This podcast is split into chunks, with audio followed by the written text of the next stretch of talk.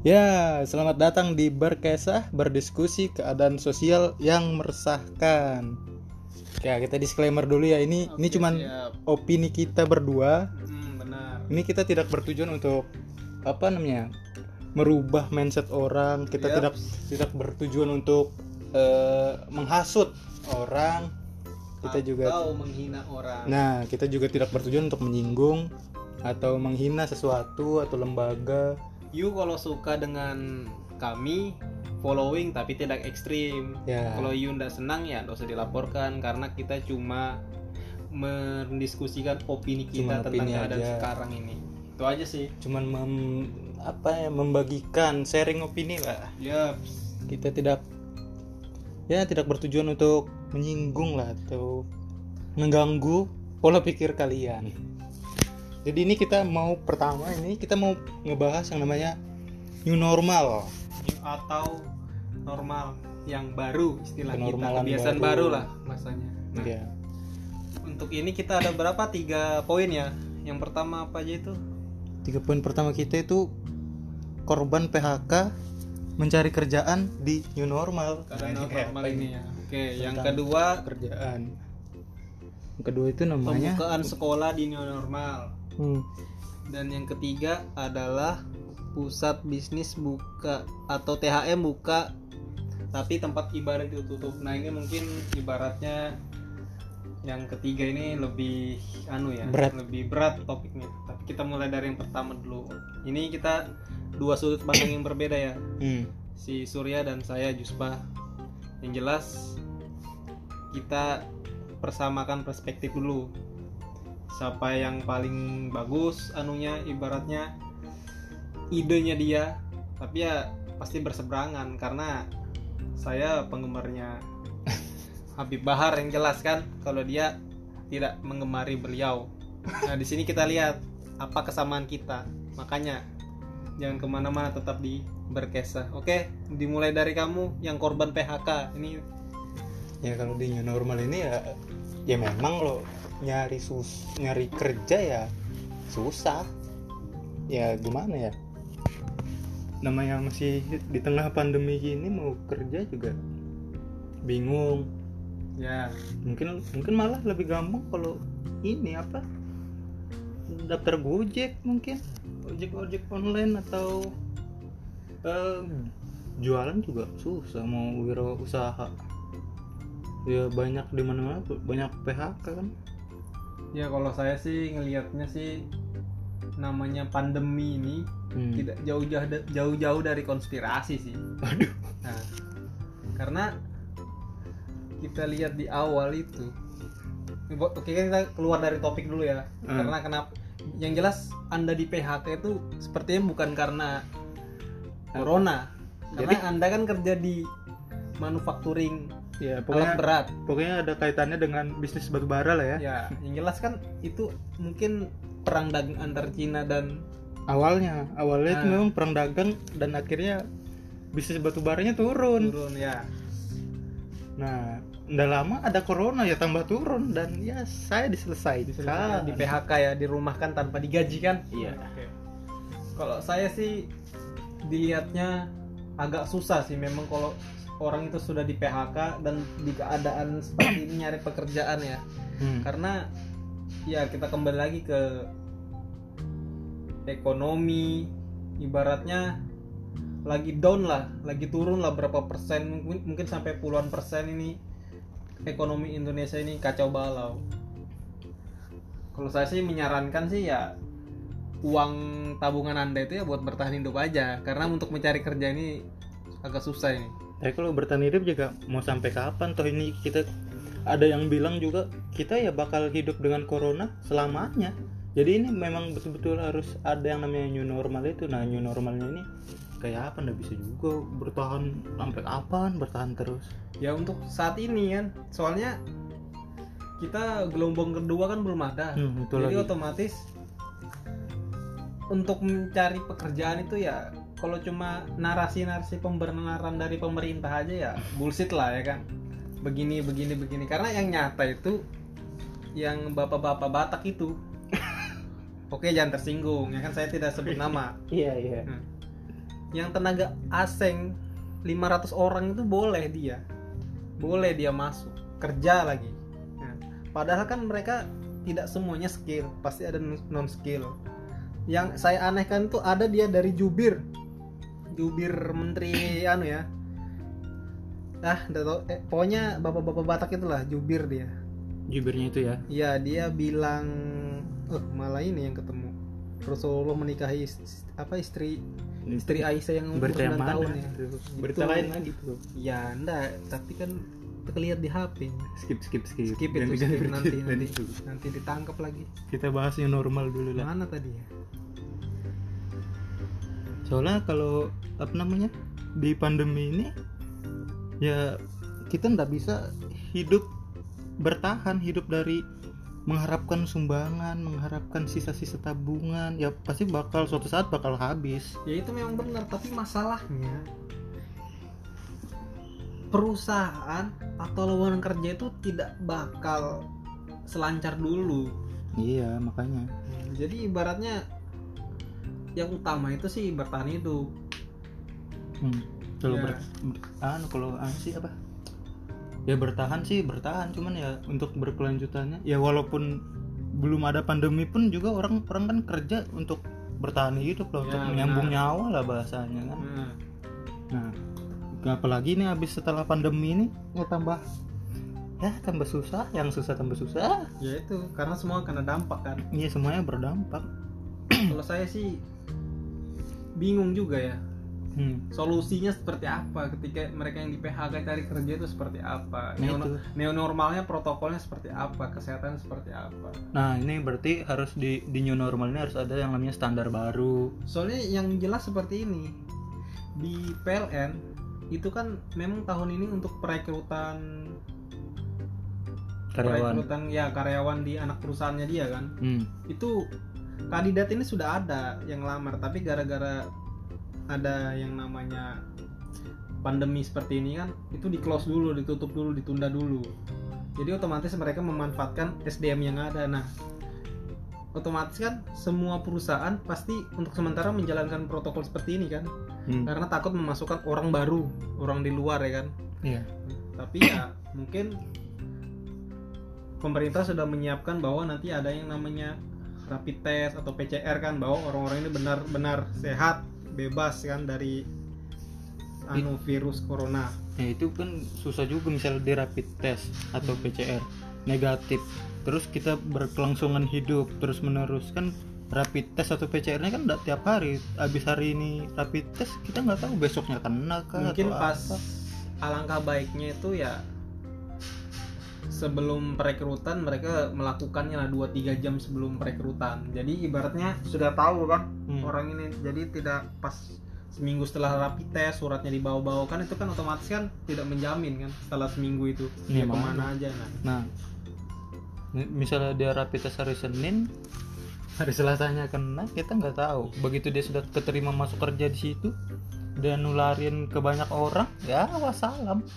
Kena semua di situ. iya sih jadi ya kalau saya sih ibaratnya kesian lah yang teman-teman yang di PHK ini dia mau bernaung di mana mencari Iya. pekerjaan di mana nah itu bahasanya kayak menteri tenaga kerja kan Hmm. seharusnya dia lebih cepat lah menanggapi itu otomatis kan mereka yang di PHK ini kan mereka kan pajak-pajaknya kan berkurang mereka yang bisa tiap bulan uang gajinya dipotong berapa persen kan buat pendapatan negara otomatis kan Hmm. negara tidak ada pendapatan dari mereka karena Iya, maksudnya negara. lebih anu lah Iya. lebih ditegaskan. Maksudnya perusahaan-perusahaan mana aja yang bisa di saat pandemi seperti ini merekrut pegawai ya kan gitu seperti gitu. Jadi ibaratnya tidak terlalu lama orang ini nganggur gitu. Jangan apa ya kayak ditahan-tahan dulu. Maksudnya lebih anu lah lebih cepat lah gerak kerjanya kan. Hmm. kalau saya sih solusinya seperti itu. Kalau dari anda yang kena PHK seperti apa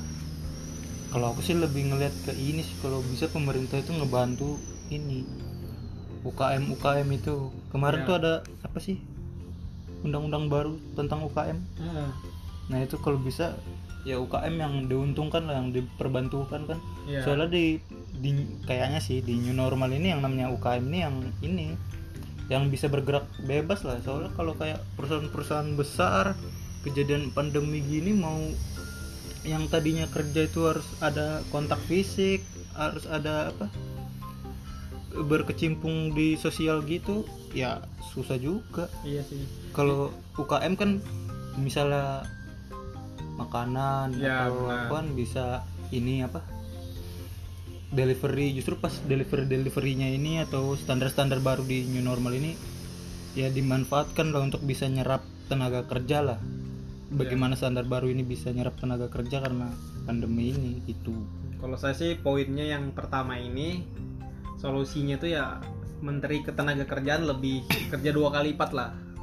Dia menyusun nih dia ibaratnya ngerekap dulu perusahaan mana aja yang bisa ya kan? Dan UKM UKM mana saja yang bisa diajak kerjasama. Jadi tidak orang-orang yang bahasanya orang ini bingung sudah mau ke mana haluannya mau ke mana tujuannya. Jadi dengan misalnya kayak mungkin dia bikin situs kan bahwa di kota ini ada lowongan 100 anu lowongan entah apa entah apa kan nah protokolnya seperti sekian. Nah jadi ibaratnya mereka yang di PHK ini lebih terbantu itu aja sih solusi Ah, anu, apa solusi kayak kayak ada job fair job fair gitu? Ya tapi secara online kan bahasanya. Jadi oh iya. ya mereka terbantukan dengan adanya ini di setiap kota kah. Bahkan kota sendiri pun ya kerjasama sama kelurahan kecamatan ya kan. Hmm. jadi oh di RT sekian berapa orang yang nganggur? Mungkin di dikasih tes skill atau dikasih pelajaran seperti apa gitu kan. Hmm. jadi ibaratnya lebih cepat lah menangani yang di PHK ini. Itu aja sih solusi untuk yang yang PHK PHK, Di PHK karena ini. corona ini ya. Iya benar. Jadi kayak apa? Season kedua? Poin kedua? Yang keduanya ya kalau Oke. sudah apa mas kayak apa di new normalnya nanti yang kerja sudah mulai banyak udah Ya. mulai ini teman kita ada loh sudah yang tadinya di rumah kan sudah mulai kerja lagi. Nah, sip, sudah. di new normal ini. Iya. nah kalau sudah karyawan ker- sudah mulai masuk kerja warung atau kafe sudah mulai banyak yang buka. Iya, sesuai protokol kesehatan kan? Ya ini sekarang tinggal sekolah. Sekolah oke. Oke untuk sekolah ini kalau kita lihat yang Pendidikan saat lah. ini ya pendidikan, Indonesia ini, di eh, new normal ini. Yang jelas sih kalau saya sih untuk sekolah sih di stop dulu lah. Uh, masih di stop ya? sampai satu sampai awal 2021 kan. Nah iya. Karena kalau kita lihat kan kalau untuk anak SMP SMK masih bisa ngikutin protokol. Tapi kalau dari tingkat PG TK atau SD itu agak susah kan? Hmm. nah, rentan lah mereka terkena virus ini kan. Iya, be- belum lagi dia kalau jadi carrier kan, mungkin yang SD atau SMP kan mungkin masih muda, masih kuat lah ya kan. iya Kalau tapi kalau dia masuk sekolah, yang misalnya yang kecil nih, yang SD, masuk sekolah dia dapat virus, dia jadi carrier, terus sama neneknya atau sama kakeknya dia pelukan atau Ya. gimana ya kan, namanya cucu pasti Iya, disayang. Nah, dia jadi carrier malah jadi masalah juga.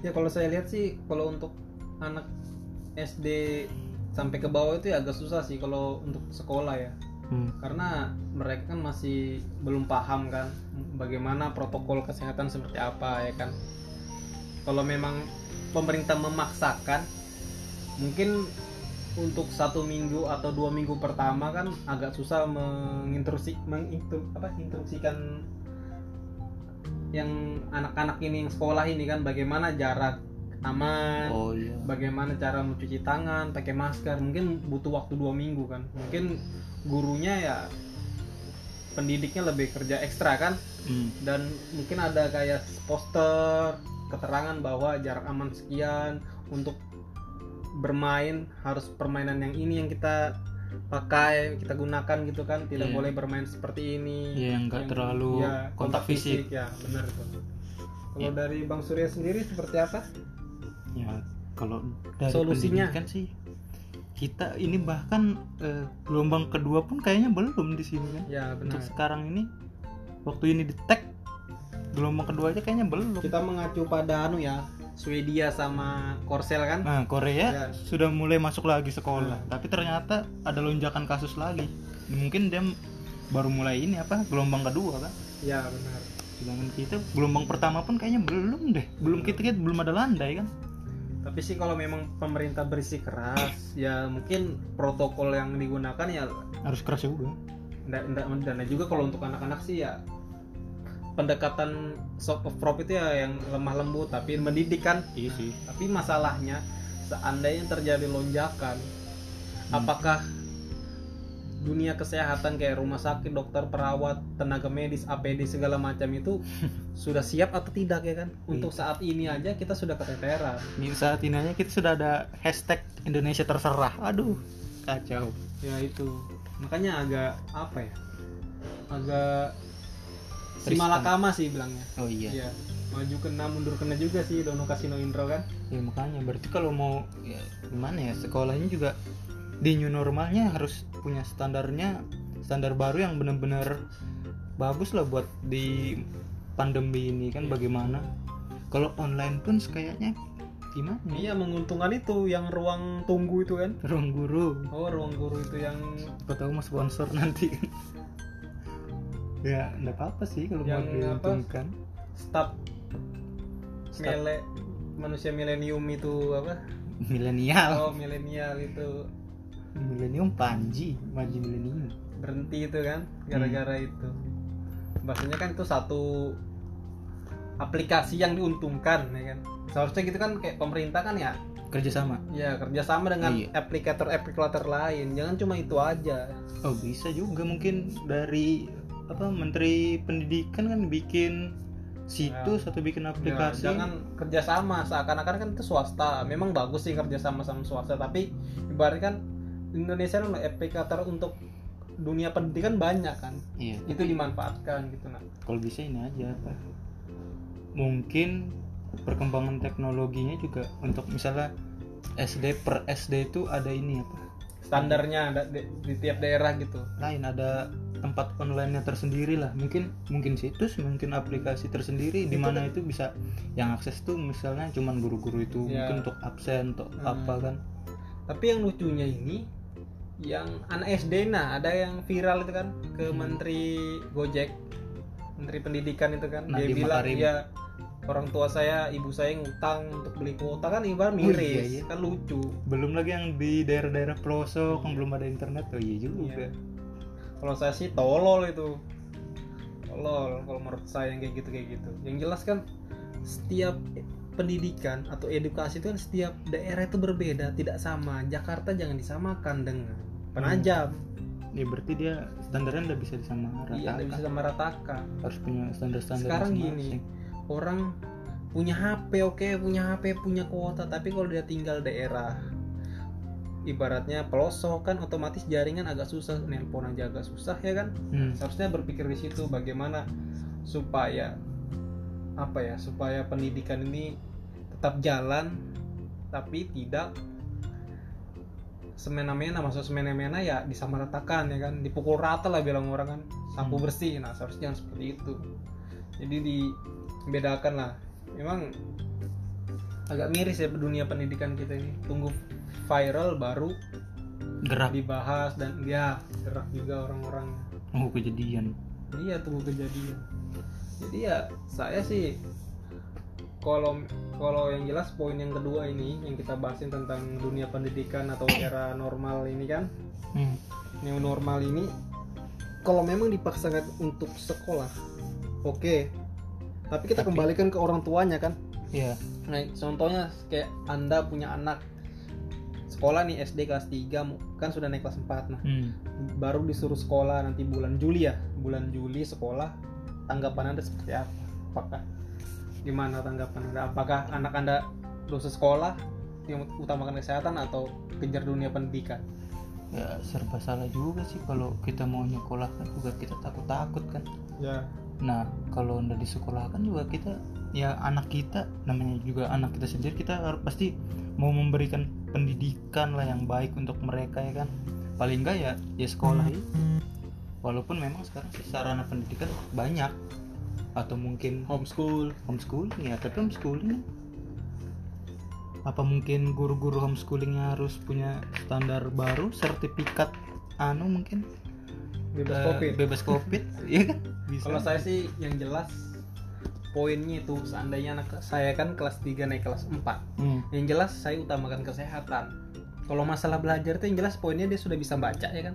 Ya baru. Membaca sudah bisa menghitung sudah bisa. Nah tinggal orang tua saya sendiri saya sendiri yang mengembangkan entah saya atau istri saya yang mengembangkan ibarat potensinya dia seperti apa gitu. Karena kalau untuk pendidikan formal ini yang penting kita bisa baca bisa nulis bisa Hitung. menghitung. Nah itu aja poinnya. Sama satu kalau kita ibaratnya agamanya kuat yang jelas mengaji baca Quran ya kan? Hmm. dan juga mungkin dia agamanya lain ya bisa membawakan lagu rohani atau sudah agak memahami kitab Bible kan. Nah, seperti itu. Itu sih kalau yang Kalau oke.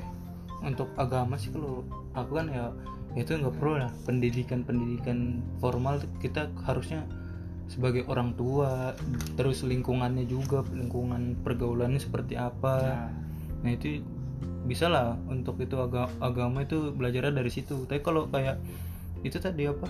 Pendidikan pendidikan dasar kayak baca tulis hitung tapi ada lagi satu yang harus Moral. dipelajari. Lain jangan ngomong moral. Ini apa namanya?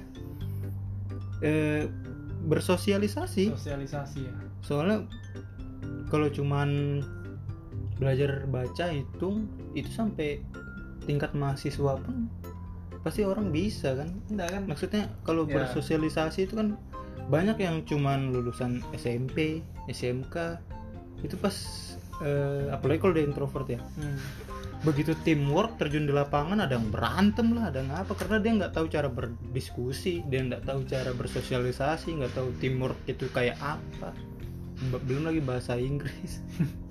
Kalau saya sih kalau untuk saat ini misalnya untuk sampai ajaran 2021 kan Hmm. untuk saat ini ya kita pelajarin anu aja yang basic-basic aja dulu. Basic-basicnya kita pelajarin makanya kan kita lebih baik itu belajar ilmu agama Hmm. dibanding ilmu dunia lah istilahnya seperti itu kan. Karena di ilmu agama itu kita ada yang namanya tata krama. Tata krama kita bagaimana kita menghadapi orang yang punya emosi yang tinggi orang yang rendah hati atau orang yang munafik kan. Nah, seperti itu sih kalau aku lihatnya yang jelas untuk di poin kedua ini kalau saya sendiri sih kesimpulannya kalau memang itu dijalankan dan Hmm. dipaksakan anak sekolah itu ya kembali ke orang tuanya juga apakah Ya. dia mau lanjut sekolah atau cuma di rumah aja dulu kan Hmm. dan belajar sesuai dengan basic lah ya kan Oh jadi nanti yang misalnya nih bulan depan anak-anak sudah masuk, iya mungkin yang orang tua orang tuanya aja yang masuk gitu kan. Misalnya maksudnya gini eh orang tuanya masuk. itu kembali ke orang tuanya Iya kembali ke orang tuanya. Misalnya orang tua yang nggak setuju, ya jangan di sekolah absen maksudnya Iya, jangan iya. ditulis bolos gitu loh. iya bahasanya no problem naik kelas Ya, mungkin seperti itu kan nah, iya, no gitu problem loh. naik kelas yang penting sehat tunggu mereda total gitu nah kan Hmm. seperti itu Tapi misalnya orang tuanya mau ya silahkan, Silakan. sudah disediakan Jangan lah protokol ibaratnya. seperti ini Nah. tapi ketika ada gelombang kedua jangan salahkan pemerintah ya kan Iya. karena pemerintah kan hanya menguji coba sih menurutku ini Uji coba new normal ya. ya new normal Iya, soalnya-. Negara se- sekelas Korsel, sekelas Korea Selatan yang pendidikannya itu nomor sa- nomor Dan dua, Swe- nomor dua ya. Yang orangnya ibaratnya Apa? penduduknya cuma 10 juta ya Iya. ibaratnya orang Swedia itu bukan kayak orang kita kan Nggak, nggak padat penduduk Iya, lah. nggak padat penduduk lah. Itu pun masih bisa naik lagi gitu loh, Naik masih lagi. bisa jadi gelombang kedua. Nggak betul-betul hilang ya. Kita ya sudah sepertinya ya sudah bisa dipastikan pasti akan ada lah gelombang kedua. jelas gelombang kedua nah yang masalahnya ketika sudah gelombang kedua kita bingung mau ngapain. Takutnya yang yang tim medis ini mogok. Kewalahan sudah. Iya, kan. karena ketika kamu nih tenaga medis punya anak istri tiga bulan udah ketemu baru ketika ada gelombang kedua jengkel kan? Pasti capek lah. dia takutnya ada yang berpikir seperti ini. Ah biar aja lah saya dipecat atau gimana yang jelas anak istri saya aman biar saya mau usaha apa. Nah seperti itu.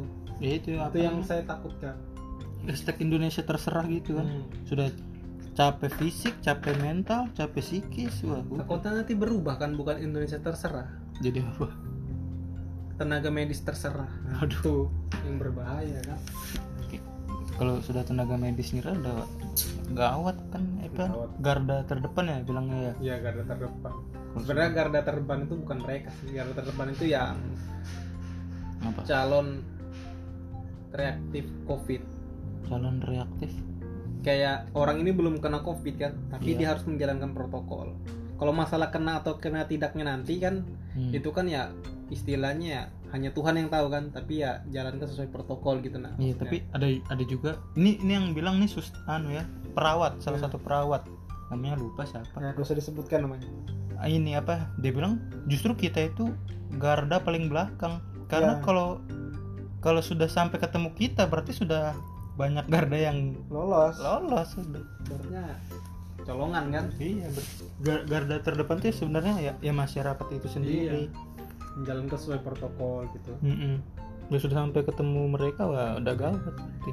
kita bahas kalau yang dunia pendidikan yang jelas kalau mau ikut pemerintah silahkan ya kan? Ya kalau mau enggak ya enggak apa-apa ya kan? Ya kalau bisa jangan itulah tadi jangan dibolos dan terus bolos. Ya oke kita lanjut yang ketiga. Nanti yang kedua ini panjang lebar. Nanti tunggu season yang kedua aja nih yang normal. Karena oh iya. banyak sekali poin-poin yang kita bahas. Banyak sih yang mau dibahas ini.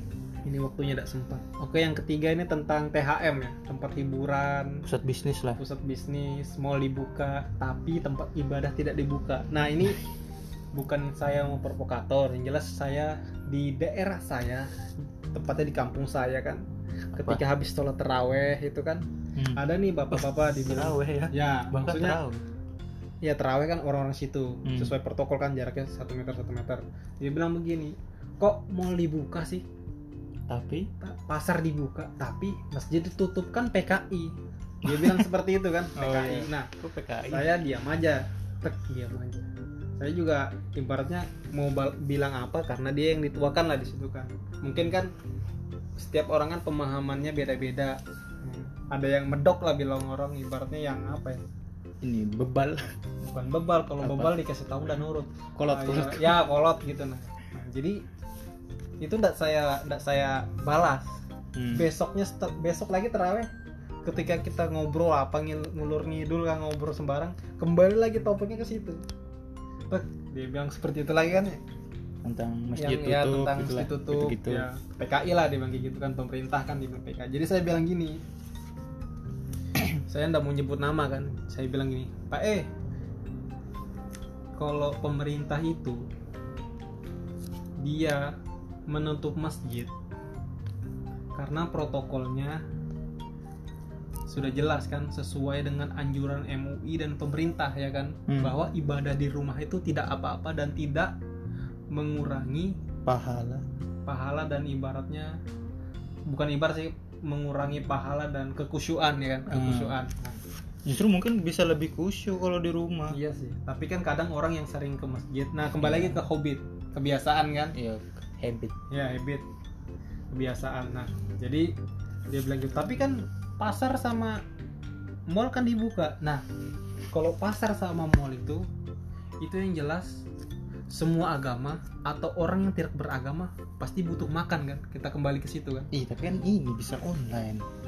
Ya. Kita tidak bisa menyamaratakan sur. Iya sih. Tidak bisa menyerapa- menyamaratakan. Karena orang yang di pasar ini dia juga kadang jualan online tapi ya memang dia harus buka gerainya kedainya tokonya. Nah gitu. Oh kalau itu berarti pedagangnya dong? Ya kita kembali ke sana lagi. Nah tapi kan gitu kalau mau di apa ya mau di tertibkan kan agak susah. Hmm. Beda kalau kayak KP ya kan? Iya. KP kalau kayak pasar ini kan agak susah menertibkan pasti chaos ribut pasti kan ya kan? Nah. jadi dan tidak ada protokol kan? Tidak mungkin orang ada. jaraknya satu meter satu meter kan? Nah, tidak. Nah kita kembalikan ke tadi pertanyaan dia tadi kan. Kenapa masjid ditutup tapi pusat-pusat bisnis dibuka. Ya pasar dibuka ya. Jadi saya bilang yang kedua ini kita butuh makan. Otomatis kan tempat dibuka. Mau tidak mau ya kan? Orang Hmm. butuh makan belanja sayur apa segala macam kan? Nah, Mm-mm. dan di situlah perputaran uang pak eh perputaran ekonomi. Karena yang otomatis kayak tempat-tempat yang ditutup mereka mau cari uang makan dari mana ya kan? Seperti itu gue bilang kan. Beda kalau orang itu punya uang simpanan satu miliar atau gimana kan. Nah itu beda cerita sudah. Kalau ini kan yang bahasanya kayak yang ibarat tuh kayak ayam gitu nah makan pagi buat siang Hmm. makan sore buat malam. Nah itu nah kan ayam gitu kan. Nah seperti itu juga dengan mereka. Jadi kalau kita lihat pemahaman-pemahaman orang yang seperti ini bukan satu dua orang aja. Iya ada banyak lah yang ada ya. banyak lah mungkin ada organisasinya. Iya. Ya kan Mm-mm. saya tidak mau nyebut nama tapi yang jelas mungkin ada organisasinya yang seperti ini. Mungkin saja pembela Israel atau pembela Indonesia atau pembela Islandia ya kan? Iya. Nah, yang jelas kalau untuk ekonomi ya mau udah mau pasar mall itu dibuka kan? Hmm. karena di situ ya itu pun di, untuk di mall sendiri ada protokolnya. Protokolnya bahwa yang buka cuma gerai makanan bahan baku persediaan ya. Seperti Hmm. itu sih. Kalau dari Surya sendiri seperti apa? Adakah cerita-cerita tentang kalau aku nyinggung-nyinggung yang agama ini agak kurang berani ya karena memang ya tidak merasa punya kompetensi yang cukup untuk yang itu. Tapi Ya. kalau kalau pendapatku sih aku sih nggak setuju dua-duanya buka. Karena kalau yang masjid ya kita kita bisa lihat lah ada sudah ada. Bahkan mantan menteri agama Habib itu apa? Lupa saya siapa namanya? Menteri Agama. Mantan menteri agama. Apa? Si, eh, Kurai Shihab. Kurai Shihab bahkan eh, beliau juga bilang kan selama bisa di rumah juga ya boleh lah untuk Ya. mengerjakan ibadah itu dari rumah. Mm-mm. tidak mengurangi pahala untuk beribadah dan apa namanya? Kusuan kekusyuan iya. Justru hikmat kalau lah bahasanya hikmat iya justru kalau untuk eh, beribadah secara berjamaah justru malah mengkhawatirkan atau malah berbahaya ya kalau bisa di rumah aja. Nggak usah eh, apa namanya ngotot mau keluar gitu loh. Nggak usah ngotot mau agama buka di atas segalanya. Oke memang agama di atas segalanya tapi protokol itu lebih utama. Iya nah apalagi masalah protokol. Kalau masalah masjid ya yang namanya kita datang mau ibadah kan masa ibadah aja diatur atur ya kan? Ya kadang ada yang berpikir seperti itu tapi sebenarnya tidak tidak baik. Kita iya sih. ngelihatnya lebih apa ya lebih inisiatif lah lebih ya lebih peduli lah terhadap keadaan itu kan.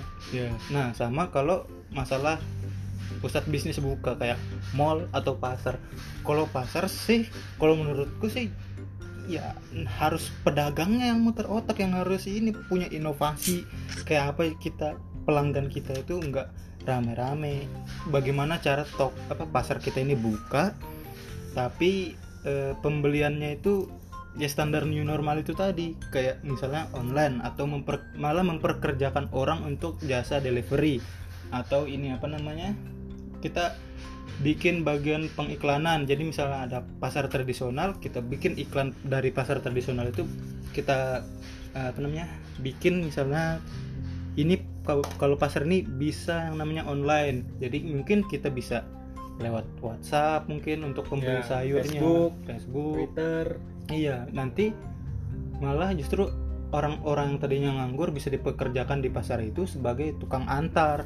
Jadi yang datang-datang itu bisa berkurang lah. Untuk yang harus datang ke pasarnya pun ya berarti kan agak berkurang kan, berarti kan agak longgar lah pasarnya. Hmm, Berarti di situ pembelinya ya bisa lah untuk jaga jarak. Jadi gitulah. Bis- Kalau Jadi saya bisa sih- inovasi. gini ya kalau saya melihatnya antara pemerintah dan rakyat yang penjual ini sama pembeli ini ya ya, Hmm. bahasa bukan bahasanya Saling salah lah mereka saling menyalahkan dan Iya. tidak ada yang namanya kerjasama kan Hmm. istilahnya gotong royong itu gotong royong kalau saya kalau saya nih jadi penjual kan Hmm. sekarang kita ndak jualan pasar tutup kita mau makan apa lebih baik kena koro apa lebih baik Mati kelaparan atau mati kena corona? ya lebih maksudnya daripada anak istri saya ndak makan saya mau ngapain? Baik saya cari kerja kan? Nah, seperti itu kan. Tapi masalahnya kamu cari kerja karena karena corona kan sama aja ya kan? Nah Iya. dari segi anu ya masyarakat kan. Kalau dari dari segi pemerintah kan kita sudah ngasih protokol nih. Hmm. sudah ngasih protokol tapi mereka tetap membandel. Bahasa saling saling menyalahkan kan? Nah Itu. nanti kalau, kalau saya sih solusinya mungkin sudah diterapkan atau belum. Yang jelas bagi pemerintah seandainya ada yang namanya ke- apa kerumunan kepadatan massa di pasar pasti pasti nyata itu kan pasti ada kan. Nah itu disiapkan memang kayak tim gabungan. Tim gabungan itu adalah tim yang memonitoring pasar ya kan? Hmm. jadi dia ngasih tahu nih misalnya rame nih orang kan pak pak tolong pak bu bu tolong pak. Oh jadi ya. ada ada yang mantau lah yang ngasih Iya. arahan gitu. Nah kalau saya sih seperti itu lebih baik ya kan? Bisa baru- itu. baru di situ kerjasama sama penjual. Tolong bu sediakan hand sanitizer. hand sanitizer atau alat cuci tangan. Nah sama pari pa- para pembeli itu bawa kan- keranjang mas keranjang masak masing- masing-masing.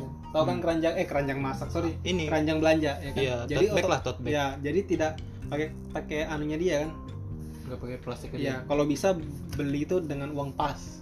Jadi Yo, otomatis jadi ya. nggak angsul-angsul ya. sama yang penjual ini pakai sarung tangan. Sarung tangan. Ya Ya, itu standar baru. Standar baru. New normal. new normal yang seperti itu sih.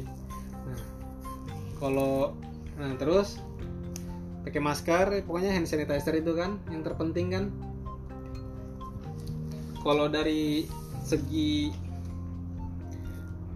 rakyat ya kalau dari segi rakyat anu apa namanya?